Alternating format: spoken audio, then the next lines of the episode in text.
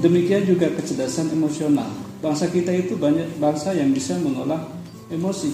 Bandingkan dengan Jepang dengan Korea, stres sedikit mereka bisa sampai pada bunuh diri. Negara kita tidak begitu. Kemiskinan yang sampai e, separah apa pun kita tidak sampai.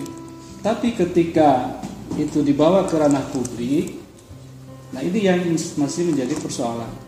Haji naik haji berkali-kali, tapi begitu jadi anggota DPR, ada potensi untuk korupsi terbawa gitu.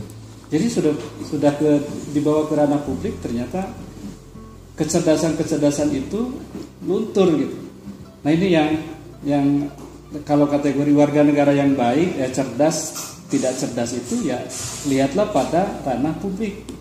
Karena pada ranah privat mungkin dia seperti tadi emosinya bagus, intelektualnya bagus, uh, sosialnya bagus, spiritualnya bagus. Tapi di ranah publik ini yang uh, dia yang apa warga negara itu tidak mampu menunjukkan kualitasnya sebagai warga negara yang harus sejalan dengan landasan filosofis tadi dengan undang-undang dasar dengan pancasila saya kira itu pak